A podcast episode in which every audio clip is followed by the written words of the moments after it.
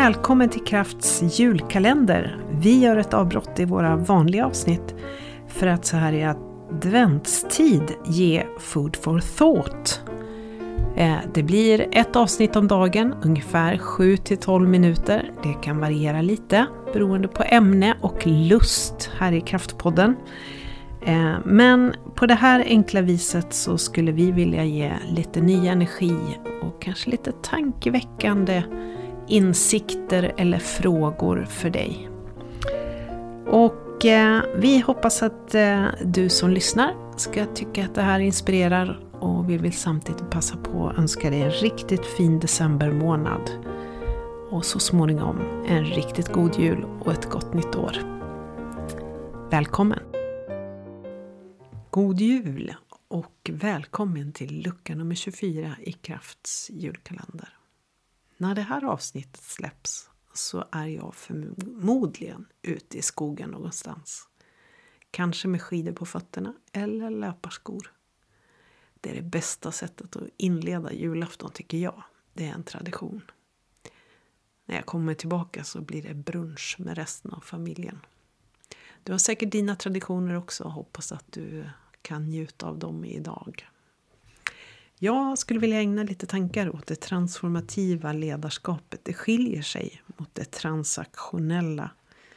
Ett transaktionellt ledarskap det handlar ju om att du får lön och så gör du dina uppgifter för att du får någonting för det.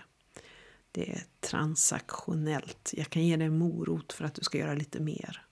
Du får en bonus till exempel eller en extra, några extra semesterdagar eller någonting annat. Det är transaktionellt ledarskap. Det är ganska kortsiktigt, kortsiktiga resultat. Att jobba transformativt handlar mer om att jobba med människors inre egna drivkrafter. Eh, både mina egna och andras i en organisation och organisationens gemensamma drivkrafter. Och då finns det ett antal saker jag behöver reflektera över. Jag behöver hitta min inre kompass. Det här jobbar vi med i våra utbildningar och ledarutvecklingsprogram. Tränar ledare i att hitta sin inre egna kompass. Med värderingar, med sitt why och sina styrkor. Och att sätta ord på det. Man gör klokt i att reflektera över sina värderingar. Att bli mer autentisk eller komma i kontakt med sin inre kompass gör att man uppfattas mer autentisk.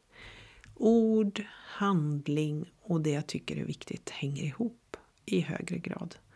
Jag blir också mer kommunikativ när det gäller varför jag blir irriterad eller varför jag tycker någonting är viktigt eller vart vi ska någonstans. Jag får lättare att verbalisera saker jag tänker.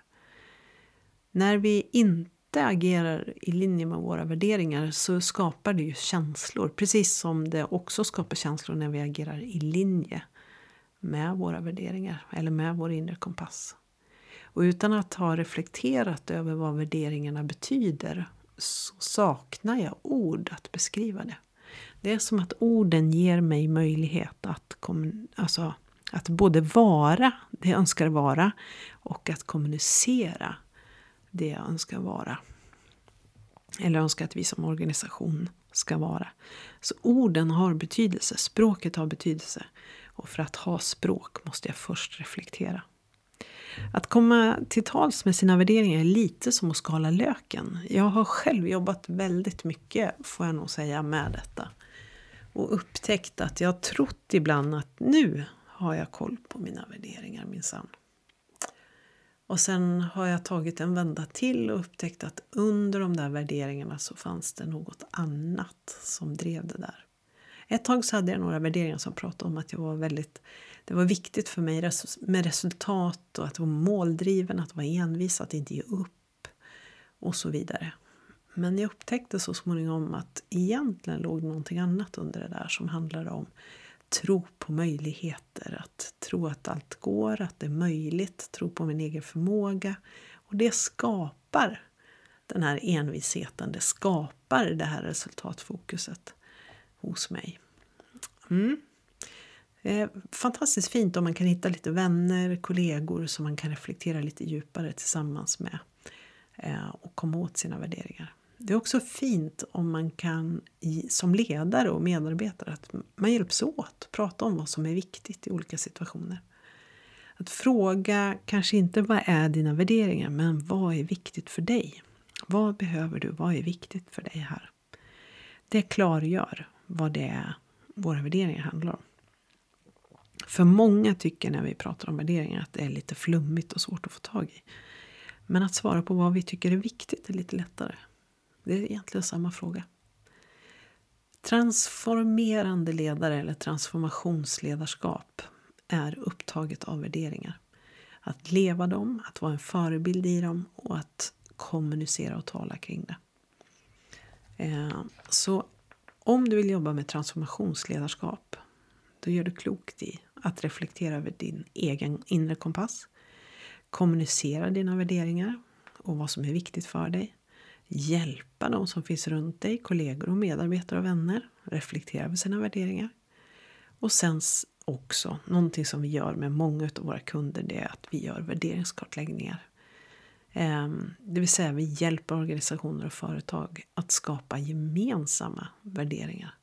Vad är det som är viktigt för vår affär? Vad är det som är viktigt för våran, vårat företag? Eh, vilken typ av agerande, vilka typer av, av beteenden vill vi se i den här organisationen? Och hur servar det våra målsättningar och vår vision? Eh, så att det till sist ger resultat på sista raden såklart. För det är ju därför man har ett företag, för att det ska ge lön till alla. Mm. Eh, Hammarskjöld sa någonting om det här. Han sa så här, och jag tycker han uttalar sig väldigt bra. Och innan vi slutar för idag på julafton så tänker jag att jag citerar honom igen. En ledare som har tyngd skapar motstånd, men får respekt. En ledare utan tyngd är populär, men får ingen respekt.